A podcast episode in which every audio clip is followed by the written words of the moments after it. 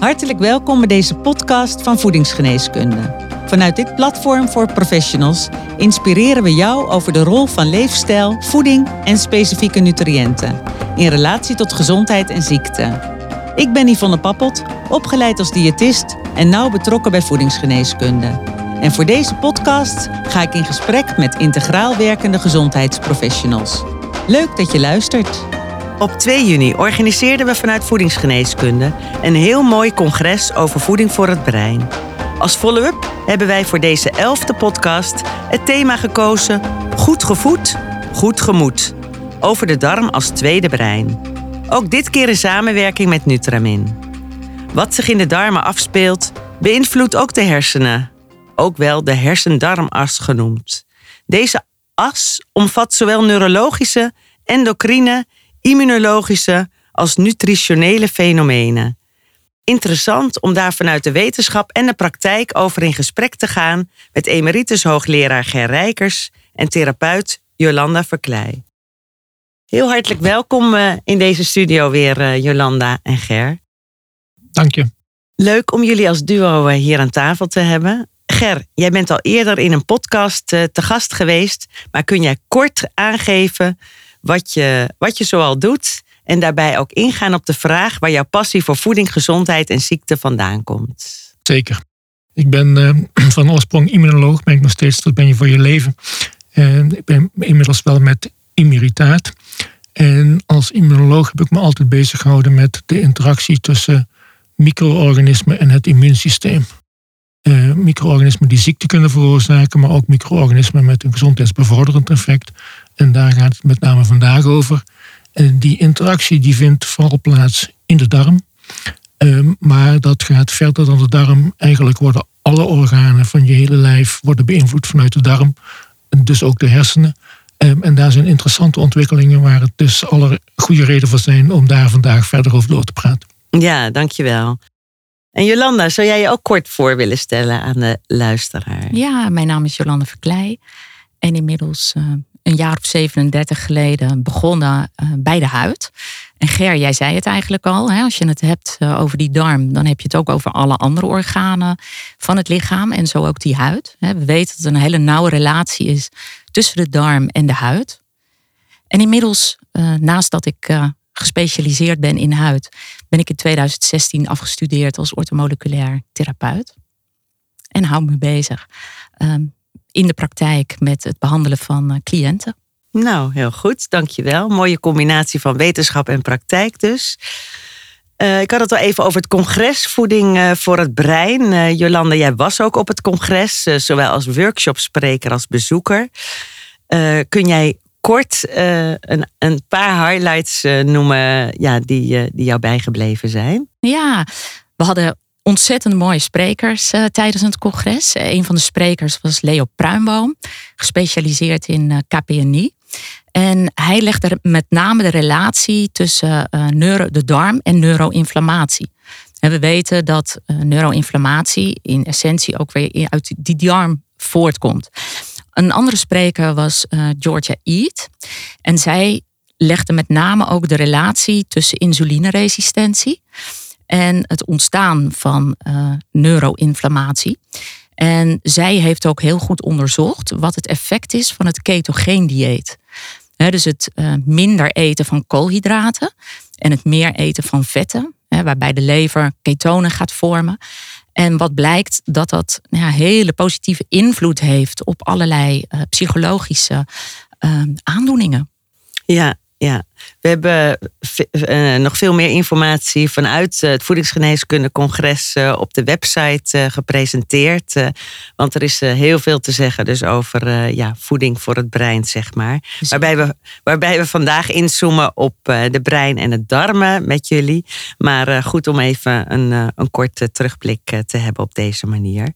Ja, ik gaf net al even aan dat de link tussen hersenen en de darmen bekend staat als de hersen-darmas. En ja, dus zowel neurologische endocrine, immunologische en nutri nutritionele, ik ga ervan stotteren, fenomenen omvatten. Ger, kun jij uh, daar iets meer uh, over uitleggen, over uh, die verbanden? Nou, eigenlijk zijn de verbanden uit het dagelijks leven, die kent iedereen wel. maar ze tonen wel heel mooi aan de relatie tussen de, je hersenen en je, je darmen. Ehm, als je verliefd wordt, dan voel je vlinders in je buik, is de uitdrukking. Maar je voelt ook echt iets, iets in je buik. Um, als verliefd heeft natuurlijk nou niet echt de primaire activiteit van je hersenen. Het is veel meer dan je hersenen, het is je hele gevoel. Ehm, maar het komt fysiek tot uiting in je darmen. Um, een wat onsmakelijker voorbeeld is dat veel mensen die op het moment of de ochtend voordat ze smiddags een rijexamen moeten gaan doen, krijgen ze s morgens diarree. Dat is geen infectie, dat is absoluut geen infectie. Uh, maar dat is de stress. Uh, de stress van iets, iets engs te moeten doen. En dat heeft onmiddellijk zijn weerslag op je darmen. Dus uit de dagelijkse praktijk kennen we de, uh, de interactie. Ja. Uh, puur anatomie, ik geef ook college anatomie, is het heel duidelijk dat er een, rechtstreekse belangrijke zenuw is van de hersenen naar de darmen, de nervus vagus, dat is Latijn. Vagus in het uh, Latijn betekent uh, zwerven, komt overal. Ik ken het in het Nederlands een vagebond. En dus die nervus vagus die komt overal, ook in de darmen. En dat is een soort snelweg tussen hersenen en darm. En die snelweg gaat twee kanten uit. Dus van de hersenen naar de darm en terug van de darm naar de hersenen. Um, dat is nog niet alles. Um, want in de darm, de bacteriën in de darm, uh, die produceren een groot aantal verschillende stoffen, metabolieten noemen we dat. Sommige daarvan, dat zijn echt uh, een neuropeptide, dus die beïnvloeden de functie van de hersenen. Andere zijn meer algemene stoffen, en daar zitten uh, ook korte keten vetzuren bij. Die kunnen door de darmwand heen passeren, kunnen in de hersenen terechtkomen omdat ze ook de bloed-hersenbarrière kunnen passeren en beïnvloeden daar gedrag. Dus er zijn tal van manieren waarop de darm communiceert met de hersenen en omgekeerd. Ja. Jolanda, wil jij daarop reageren? Dat is heel duidelijk natuurlijk hoe dus uh, die, die uh, nervus vagus uh, en het microbioom daarin ook zijn werk doet. Ja, mooi verhaal. Um, ja, die nervus vagus, die kunnen we ook op een bepaalde manier weer in balans brengen. Je ziet vaak dat die nervus vagus een beetje overreacted is. Um, door bijvoorbeeld hormetische prikkels toe te, of uit te voeren, zal ik maar zeggen. Um, die we vroeger hadden, die hormetische prikkels, zoals koude, honger, dorst. ja, die kennen we tegenwoordig niet meer. maar dat kunnen we wel op een bepaalde manier toch weer in ons leven integreren. Waardoor je ziet dat die nervus vagus weer in balans komt. En wat ik zie in de praktijk is dat wanneer er sprake is van darmproblematiek, um, dat er eigenlijk in heel veel gevallen ook problemen zijn met het psychologisch functioneren. Hè, angstklachten, uh, depressies. Um, en ja, dan kun je afvragen, wat was nou eerder, de kip of het ei? Want andersom zie je het ook als er sprake is van bijvoorbeeld depressieve gevoelens, angstklachten. Dan kunnen er ook darmklachten ontstaan. Uh, dus we, ja, we moeten het echt ook vanuit die darm um, ook gaan oplossen. Heb je misschien een voorbeeld vanuit de praktijk, uh, Jolanda? Ja, um, wanneer er sprake is van een uh, psychologische stressreactie, een emotionele stressreactie, dan zie je vaak dat er uh, daarop ook darmproblematiek ontstaat.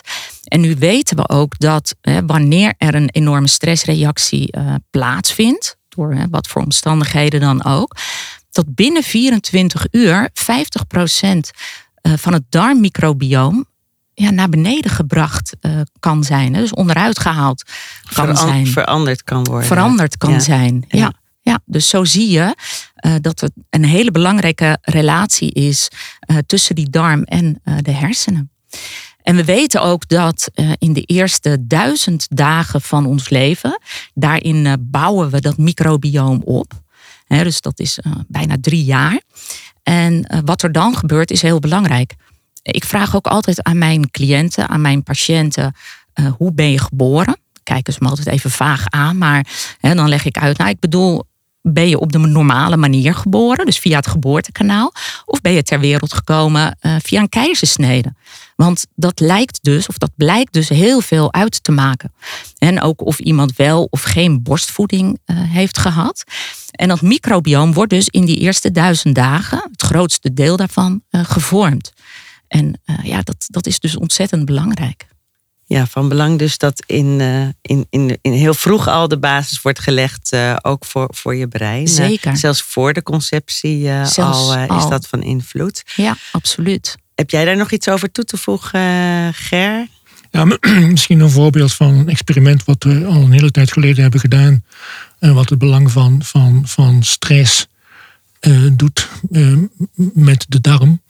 Dat hebben we gedaan met de ratten. En ratten zul je niet intuïtief bedenken, maar ratten zijn bang van water.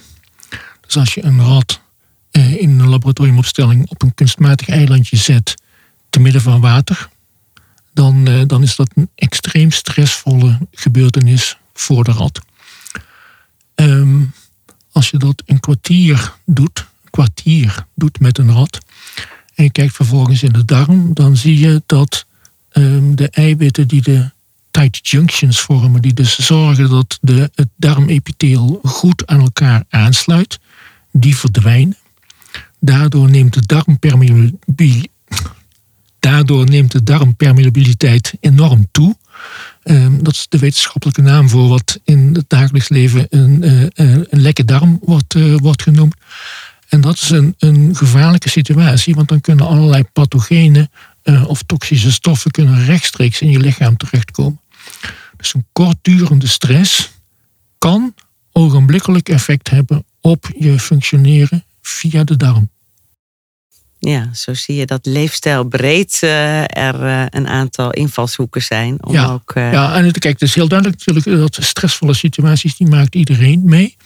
Ik vind het moeilijk te veralgemeniseren, omdat eigenlijk iedereen anders kan reageren op stress.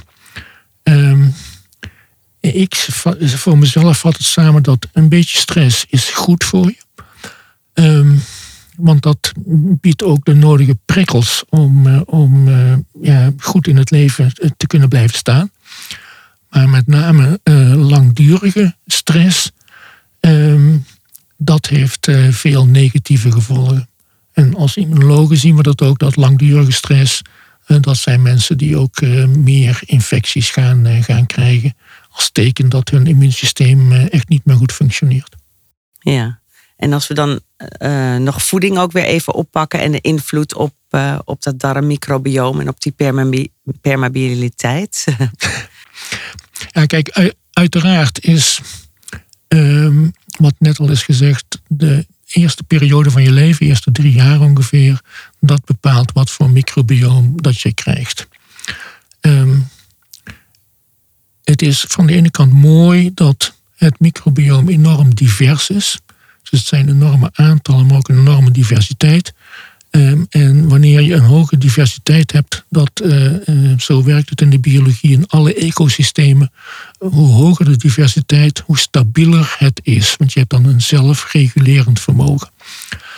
Um, nou is het zelfs zo dat eigenlijk iedereen, als je maar nauwkeurig genoeg kijkt, iedereen een uniek microbioom heeft. Ja. En als dat jouw unieke microbioom, als dat bijdraagt aan jouw gezondheid, dan is dat prima. Maar als jouw unieke microbioom stabiel slecht is, dan hoe kom je er dan vanaf? Dat wil zeggen, hoe verbeter je dat Precies. dan? Mm. Um, um, en dat kan met voeding. Um, je kunt de gewenste bacteriën die je uh, niet hebt of een onvoldoende aantallen hebt, uh, die kun je stimuleren door goede voeding daarvoor te geven. Um, dat is niet makkelijk. Dat moet waarschijnlijk ook nog gepersonificeerd worden. Maar hoe? Um, ik ben daar nog niet uit. Hoe? Um, met name niet hoe je het kunt meten en hoe je het kunt volhouden. want hoe moeilijker een dieet, hoe moeilijker het wordt volgehouden. Uh, maar in zijn algemeenheid is uh, vezelrijke voeding Als je het simpel wilt houden, is vezelrijke voeding is goed voor de ontwikkeling van een divers en stabiel microbiome. Ja, en als we het hebben over vezels, eh, ja, hoe, hoeveel vezels, wat voor vezels, kun jij daar nog iets meer over zeggen, Jolanda? Ja, inderdaad, uh, Ger. Ik zeg ook altijd uh, tegen mensen: voor onze darm zijn drie dingen van essentieel belang. Dat zijn dus vezels, vezels en vezels. en uh, we kennen de oplosbare vezels, zoals we die noemen. En dat zijn met name de vezels uit groente en fruit. En die oplosbare vezels, dat zijn met name ook de, de voedingsstoffen voor onze darmbacteriën. Die fermenteren ze en die maken daar ook weer mooie stoffen voor. Uh, van, van de, voor de darm. denk aan uh, korte keten vetzuren. Onder andere butyraat is daar een van. acetaat en propionaat. En dat werkt heel helend op die darmwand. We hadden het net even over die hyperpermeabele darm. De zogenaamde, zogenaamde lekkende darm. Nou, die korte, of die, die vetzuren, die korte keten vetzuren, die zijn dus zo belangrijk voor de integriteit van die darmwand. Dan hebben we ook nog de onoplosbare vezels. En dat zijn met name de vezels uit, eh, ja, denk aan granen. En die onoplosbare vezels die zijn wat meer bedoeld uh, om bulk te vormen in die darm. Uh, waardoor er expansie ontstaat in die darm. En die onoplosbare vezels die zorgen er op die manier voor ja, dat die darmwand eigenlijk heel schoon gehouden wordt. En dat de darmplooien als het ware schoongeborsteld worden. Ja, en uh, als we dan verder kijken naar probiotica, wat uh, ja. is jouw ervaring daarmee? Uh? Ja, natuurlijk proberen we het altijd in eerste instantie te doen vanuit voeding. Dus veel minder bewerkte voeding, minder suikers en inderdaad meer groente en fruit, dus meer vezels. Maar in heel veel gevallen ontkomen we er toch niet aan om toch iets te gaan doen met die bacteriestammen, om die aan te vullen. En dat kan dus heel goed via een uh, probiotica supplement. Ja, en heb je daar ook wat voor ervaring heb jij daarmee uh, in je praktijk? Ja, je ziet uh, vaak dat wanneer je het echt alleen maar vanuit voeding wil doen, dat het vaak heel erg lang gaat duren. En dat je dan ja, niet altijd het gewenste resultaat bereikt. En door een probiotica product aan te vullen, toe te voegen, zie je gewoon dat, die, uh, ja, dat, dat het beter gaat met die darm. En ook dat hè, nou, psychologische klachten, hè, angstgevoelens, depressieve gevoelens, uh, stemmingswisselingen, dat die dus ook heel erg opknappen. Hm. Hè, daar moeten we natuurlijk wel de tijd voor nemen. Hè, dat, dat gaat niet uh, binnen een week. maar, maar als je ziet dat mensen gedurende een aantal maanden dat ook goed volhouden. En dan zie je ook dat er therapietrouw ontstaat, omdat mensen ook dan merken uh, ja, welke positieve effecten het heeft op die darm. En je ziet dus dat mensen dan ja, zich ook ja, lekkerder in hun vel gaan voelen. Mm. dus dat stemmingswisselingen uh, minder worden. Uh, ja, ze ja, vrolijker worden, zou je kunnen zeggen. Um, maar dat zeker ook slaap verbetert. Want dat zie je vaak ook. Dat als mensen last hebben van depressieve gevoelens, dat ook de slaap minder is. Ja, dat, dat zijn, uh, zijn, zijn mooie voorbeelden vanuit de praktijk. Ja. Uh, Ger, wat is daar vanuit de wetenschap over bekend? Uh, wat probiotica kunnen doen bij ja, brein, brein- en darmproblematiek? Ja, ik, ik heb dat nagekeken. Um, en ik kwam op een zeer, voor mij zeer verrassende bron. Namelijk in uh, uitgebreide uh, overzichtsartikel van de American Chemical Society. En dat is eigenlijk een soort belangenbehartiging van de uh, grote chemiereuzen. Chemiereuzen. En het overzichtsartikel ging over de darm-brein-as. Um, en ook hoe daar probiotische bacteriën, prebiotica, postbiotica, eh, hoe die daar allemaal een effect op kunnen hebben. Plus natuurlijk wat dan de omvang zou kunnen zijn van de markt en waar je investeringen moet doen. Dus is echt een heel industrieel uh, artikel, maar wel mooi dat dat blijkbaar is doorgecijpeld ook in die kringen. Um, er wordt nu op uh, een aantal punten die te maken hebben met, met, met hersenen en gedrag wordt veel onderzoek gedaan naar probiotica. En dat gaat over depressie, dat gaat over slapeloosheid, en dat gaat ook over autisme. Ehm, en uh, dat hadden we nog niet specifiek benoemd, maar een aandoening als prikkelbare darmsyndroom, daar zit zeker een belangrijke component in van de hersenen. Niemand, niemand kan er goed de vinger op leggen, maar dat moet wel zo zijn. Um, uh, dat is denk ik ook een van de redenen waar je, waarom dat je zo'n groot placebo-effect ziet in alle studies rondom prikkelbare darmsyndroom. Um, als je namelijk één keer in je hoofd de beslissing hebt genomen en nu moet het afgelopen zijn, nou wil ik van mijn vervelende darmklachten af, dan ben je er eigenlijk al half. Um, want je, je, bent al op de goede weg. En dan zal ook uh, je placebo um, uh, aanpak, die wel gepaard gaat met veel aandacht voor jou en begeleiding, zal een gunstig effect hebben. Maar goed, dat is even een, een zijsprong. Um, wat zijn de onderzoeken die nou gedaan worden? Is, daar wordt met gekeken naar specifieke probiotische uh, stammen of ze effect kunnen hebben. En dat zijn bepaalde bifidobacteriën, dat zijn bepaalde lactobacillen. maar niet, niet, niet zomaar willekeurige, maar wel geselecteerd. En ik vond het wel mooi om te zien dat er ook uh, lactobacillen bijzitten die heel veel in andere aandoeningen zijn onderzocht, of waar heel veel ervaring mee is. Zoals LGG, Lactobacillus rhamnosus GG. En uh, BB12, een bifidobacterium, bifidum, variëteit BB12. dus dan, dan weet je ook dat dat stabiele producten zijn van betrouwbare producenten eh, die als ze ook bij deze aandoeningen een gunstig effect zouden hebben, die, ja, wat, wat zou echt spectaculair zijn. Het microbiome speelt dus een hele belangrijke rol en daarbij hebben we het ook gehad over probiotica. Tijd om daarover door te praten met Henny Timmer, werkzaam bij Nutramin, als breek in deze podcast.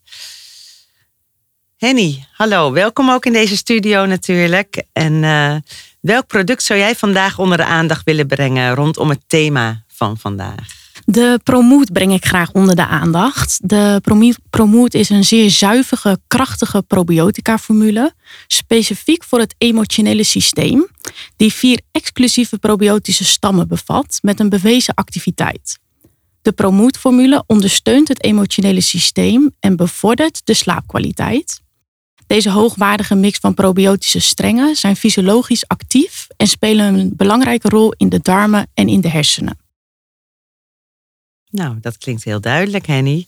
Uh, wat zijn uh, dan die vier exclusieve stammen? We hebben er net natuurlijk al kort eventjes over gehad. Maar in de promoot zitten vier exclusieve stammen, genaamd de Bifidobacterium longum, de Lactobacillus fermentum en de Lactobacillus plantarum en de Lactobacillus rhamnosus.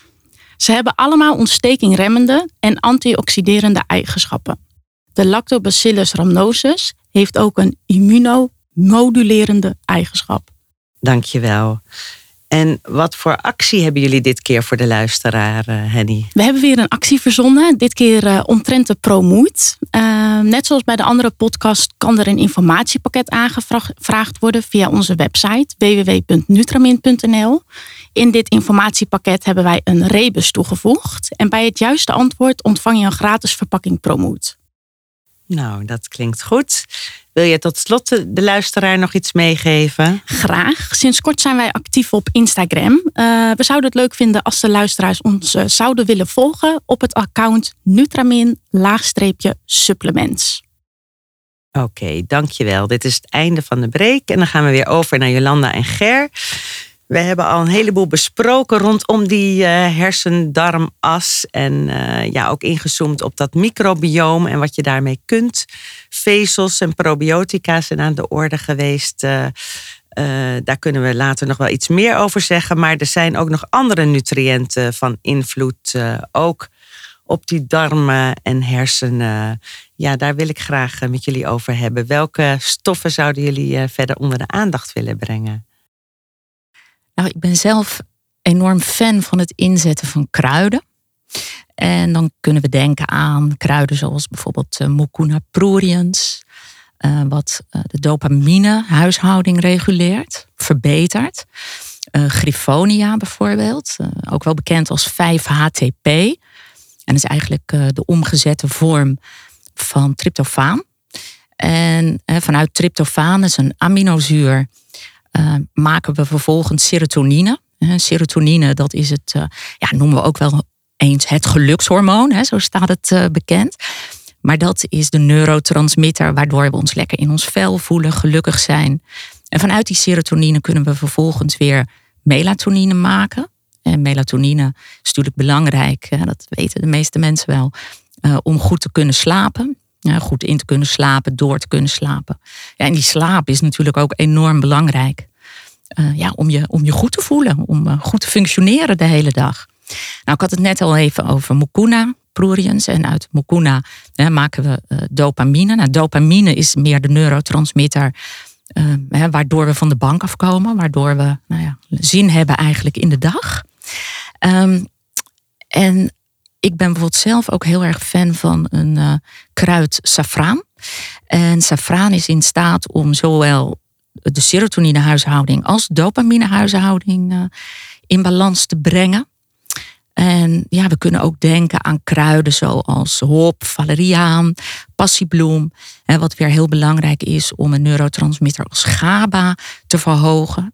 En GABA zeg ik wel eens, dat is het, eh, het stofje die ja, de uitknop in de hersenen uh, indrukt. Dus ehm, het piekerknopje zeg ik wel eens. En GABA zorgt ervoor dat we rust in het systeem uh, krijgen.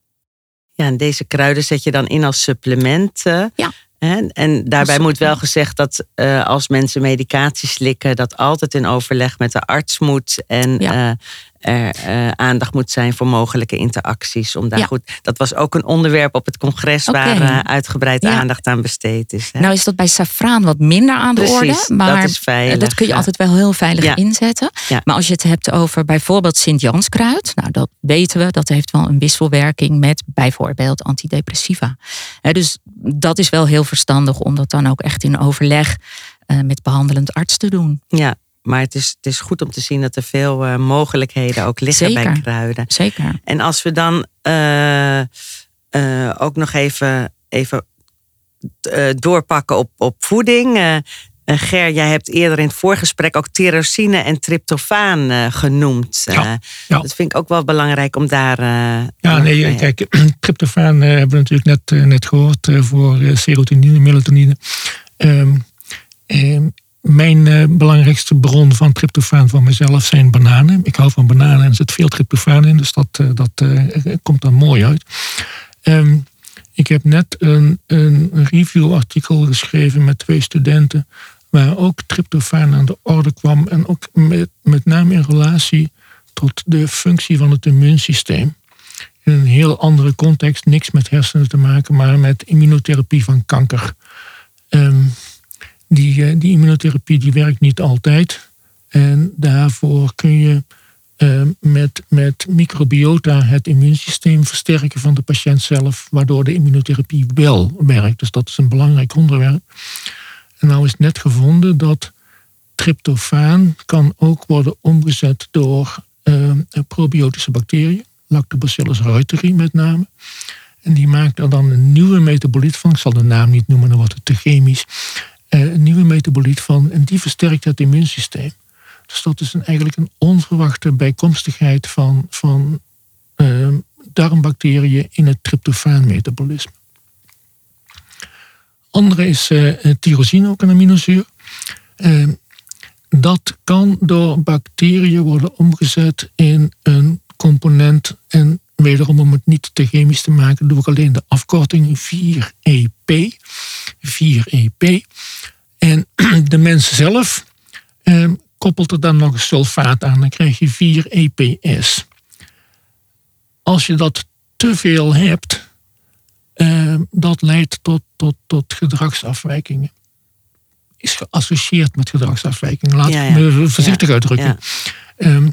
Dus met name met, eh, bij, eh, bij mensen met eh, autistisch spectrum aandoeningen vind je eigenlijk hoge concentraties 4 EPS. Het mooie is dat er ook weer andere bacteriën zijn, andere darmbacteriën, die die productie naar beneden kunnen krijgen. En die worden nu met name onderzocht om te zien van, hebben die dan via die route mogelijk een effect op uh, uh, autisme en dat soort aandoeningen. Het zijn voorbeelden dat met, met, met meer inzicht in mechanismen het mogelijk wordt om ook selectiever uh, en ook meer biologisch in te grijpen dan, dan puur met, met medicamenten. Ja, en wat, wat kunnen we hier in, in de praktijk al mee? Uh... Nou, um, wat je in de praktijk uh, nog ja, niet meer, en, maar ook niet minder kunt doen, is algemeen zorgen voor een, een goed en divers microbioom. Um, en om dat te bewerkstelligen met een gebalanceerd uh, dieet en waar met name ook voldoende uh, vezels in voorkomen. Om daarmee je, je darmmicrobiota zo gezond mogelijk te houden. Ja, ja dat blijft eh, de basisboodschap, dat, zeg dat, maar. Dat uh, blijft denk ik de basis. Ja, um, ja. Omdat ik ook denk dat um, het, het, het beste dieet is een dieet wat je kunt handhaven. Uh, wat binnen het bereik ligt. Hoe extremer het is, des te moeilijker zal de handhaving zijn. Uh, en zeker wanneer de effecten toch pas op langere termijn zichtbaar worden. Uh, het is niet dat je de dag daarna van je klachten af bent. Was, was dat maar zo. Dan wist je namelijk ook meteen van het werkt bij mij of het werkt niet bij mij. Uh, maar dat heeft langere tijd nodig. En als het dan een heel zwaar dieet is, dan, dan kunnen mensen al afhaken. voordat ze enig voordeel hebben gehad van hun dieet. Dus daarom ben ik in zijn algemeenheid voor, voor een dieet dat, dat veel makkelijker te Ja, en de vraag is of je dieet moet noemen. Hè?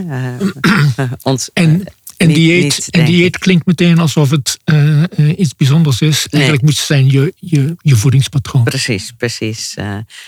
Uh, ja, wel, welke factoren zijn verder nog van belang, uh, Jolanda? Ja, nou, Ger, jij noemde net al even die uh, aminozuren, hè, die tryptofaan en die tyrosine. Maar het is belangrijk dat we dus ook voldoende voeding tot ons nemen.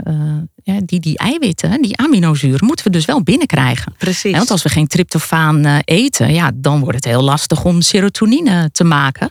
En als we geen tyrosine eten, ja, dan kunnen we ook geen dopamine maken. Um, dus daar moeten we heel erg goed op letten. Dat we voldoende uh, eiwitten eten. Eiwitrijke voeding. Hè, dat kan natuurlijk vanuit uh, vlees, vis. Maar zeker ook vanuit plantaardige voeding. Hè, dan moeten we misschien wel wat meer uh, to the point zijn. En wat beter opletten waar we die aminozuren uithalen. Maar dat kan zeker. En um, ja, daarnaast ik noemde het net al even, gewoon die bewerkte voeding verminderen, minder suikerrijke voeding. Ja, en dan maken we gewoon heel veel winst. En inderdaad, wat jij ook uh, aangaf, Ger, dat, dat, dat het gewoon super belangrijk is dat het ook een dieet is wat je op lange termijn uh, ook kunt volhouden. He, dat het niet iets is waar mensen dan weer heel snel op afhaken. Dus de juiste bouwstoffen is ontzettend belangrijk. En dan denk ik ook even bijvoorbeeld weer aan aminozuren als L-theanine bijvoorbeeld, wat ook weer een mooie rustgever is. En bijvoorbeeld glycine, hè, dat zijn allemaal aminozuren. En dat zijn aminozuren die rust geven in het systeem. Dus die GABA en ook de acetylcholine, de vierde neurotransmitter waar we ja, vaak over spreken. Ehm, ook heel belangrijk.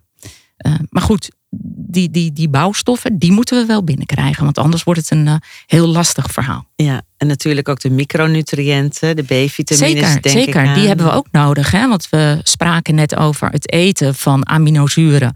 En dat moet omgezet worden naar die neurotransmitters. Um, maar dat gaat ook niet vanzelf. Hè, om die omzettingsprocessen ook goed te kunnen laten verlopen, hebben we inderdaad voldoende B-vitamine nodig. Hè. Denk aan B11, B12, B6, magnesium, zink. En die moeten we dus ook voldoende binnenkrijgen. Ja. Want anders lukt het ook niet. Het totaal op orde. Het totaalplaatje is in Uh, dit geval heel belangrijk. Ja, naast uh, voeding hebben we het ook al even over stress gehad. Uh, maar nu is het wel aardig om ook even te refereren aan Bas Bloem, neuroloog, die natuurlijk in, in Nederland ook onderzoek doet. Uh, onder meer bij Parkinson.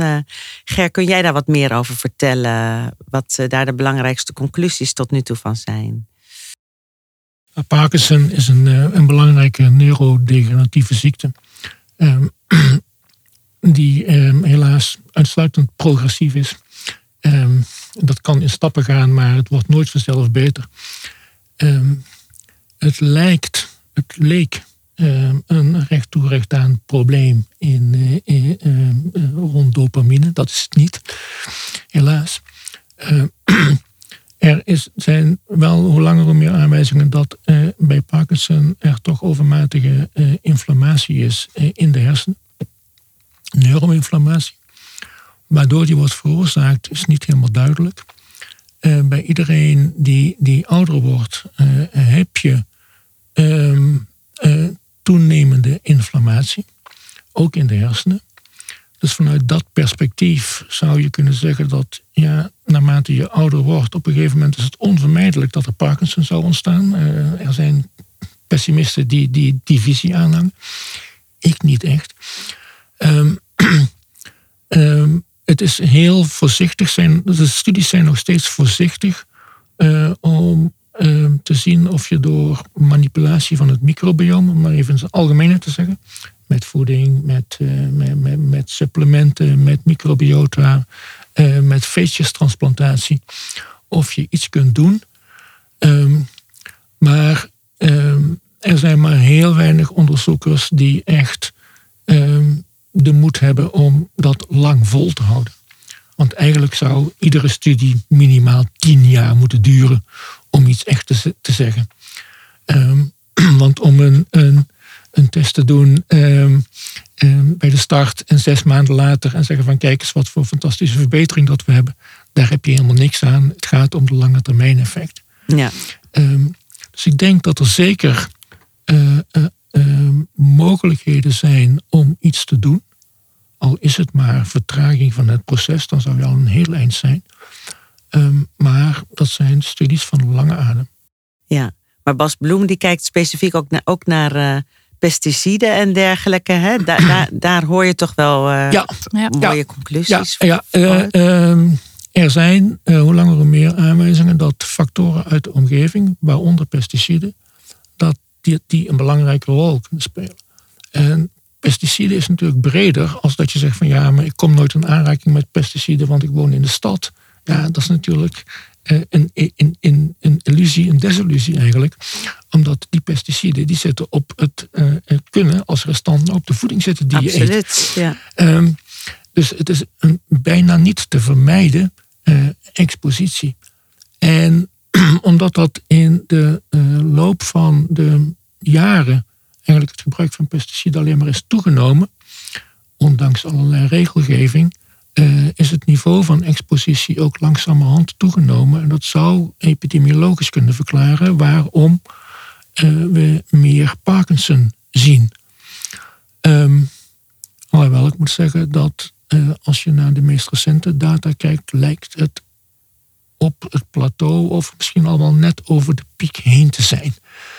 Um,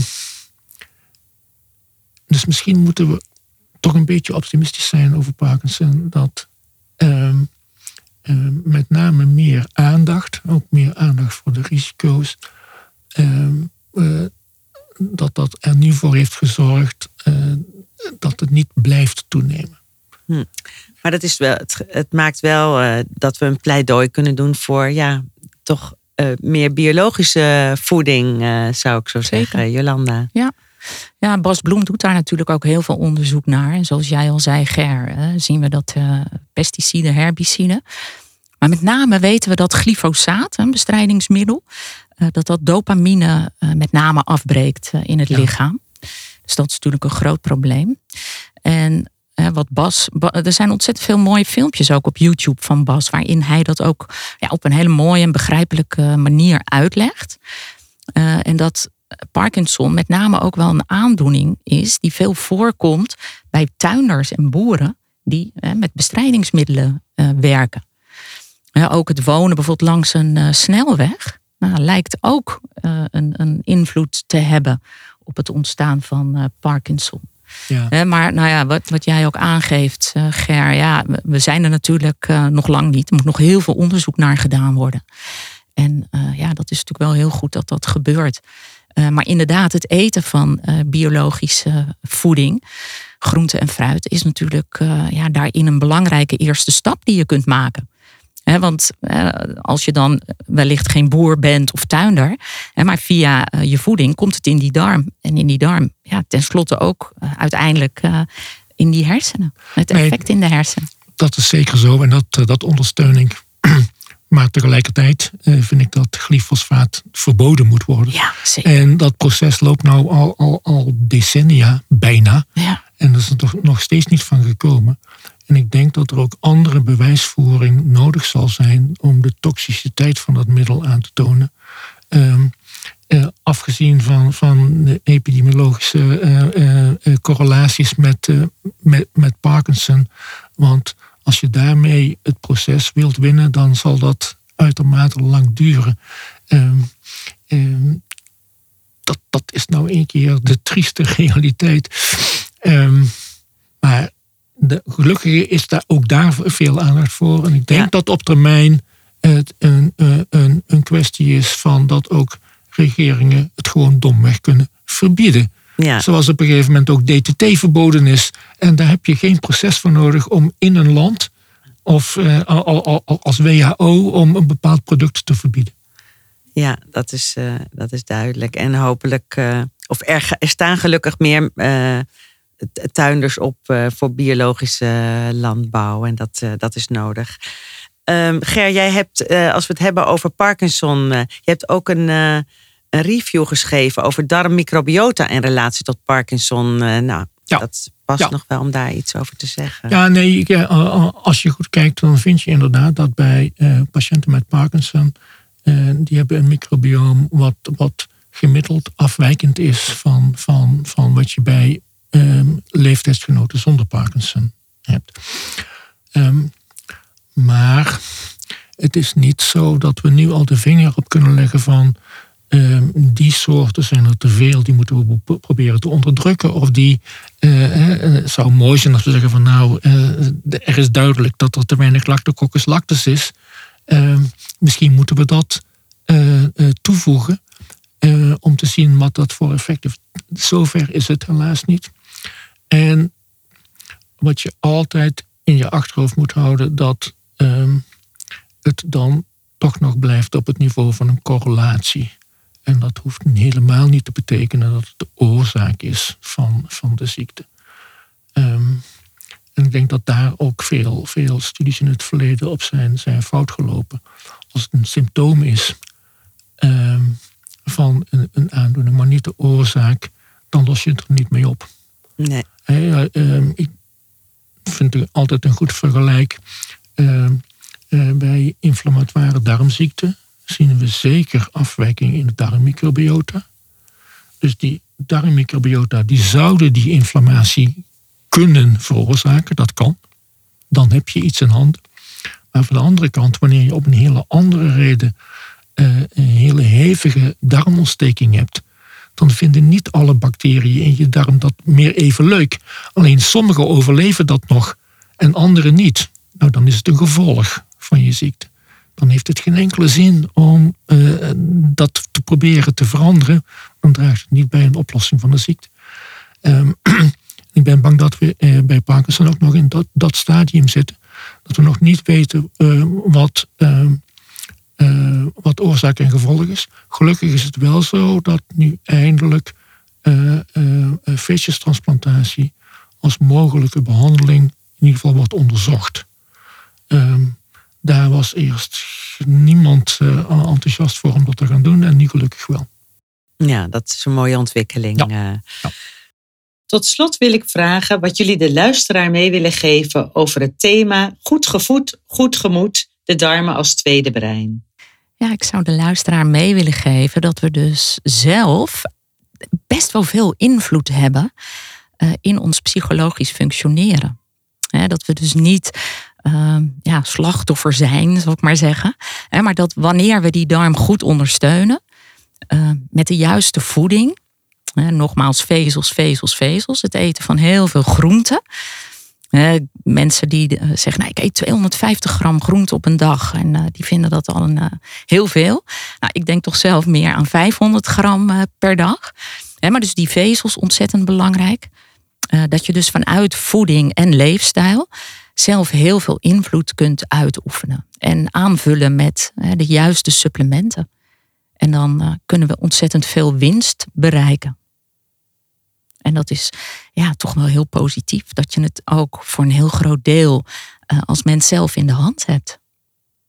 Mooi, dankjewel uh, Jolanda. Ger?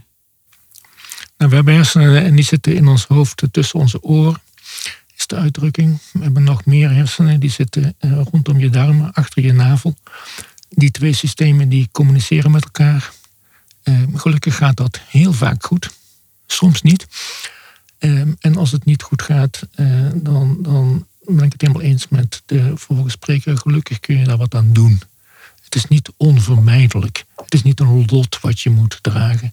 Uh, je kunt de samenstelling van de bacteriën in je darm, de kleine aanstuurders van je hele lijf, die, die kun je beïnvloeden, met name door goede voeding. En als die goede voeding dan ook nog een keer heel lekker is en je houdt ervan, dan, uh, dan, dan, dan heb je denk ik iets, een, een winnende combinatie in, in handen die je ook kunt volhouden. Mag ik daar nog op inhaken? Zeker. Het leuke is, wanneer we onze voeding gaan veranderen, dan gaan we ook bacteriën in die darm ontwikkelen. Die vragen naar die betere voeding, naar die uh, groenten en uh, ja, goede voeding, zal ik zo maar even zeggen dus met, die, met, met de juiste voeding ga je dus ook de juiste bacteriën kweken. En dan wordt de vraag vanuit die darm naar goede voeding ook gestimuleerd. Wat een mooie afsluiting zo. Uh, ja, het is een onderwerp waar, uh, waar heel veel over te, te delen valt. Uh, dat is mooi. Maar we zijn aan het einde gekomen van deze podcast. Ik wil jullie heel hartelijk bedanken voor jullie bijdrage over dit onderwerp. ja, op de website is, van Voedingsgeneeskunde is ook een uitgebreid verslag nog te lezen van het congres Voeding voor het Brein. En hebben we ook nog een artikel over de de hersen-darm-relatie uh, te downloaden. Ja, als platform voedingsgeneeskunde bieden wij professionele en wetenschappelijk onderbouwde kennis via dus een website, vakblad, podcast en een jaarlijks congres. Wil je op de hoogte blijven? Schrijf je dan in via de website voor uh, de wekelijkse nieuwsbrief.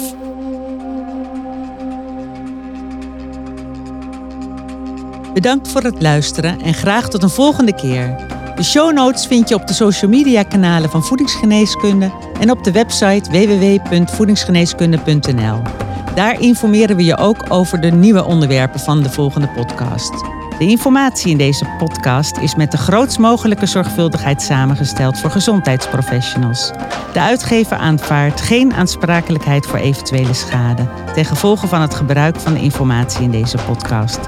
De geboden informatie kan niet worden beschouwd als vervanging van een consult of een behandeling.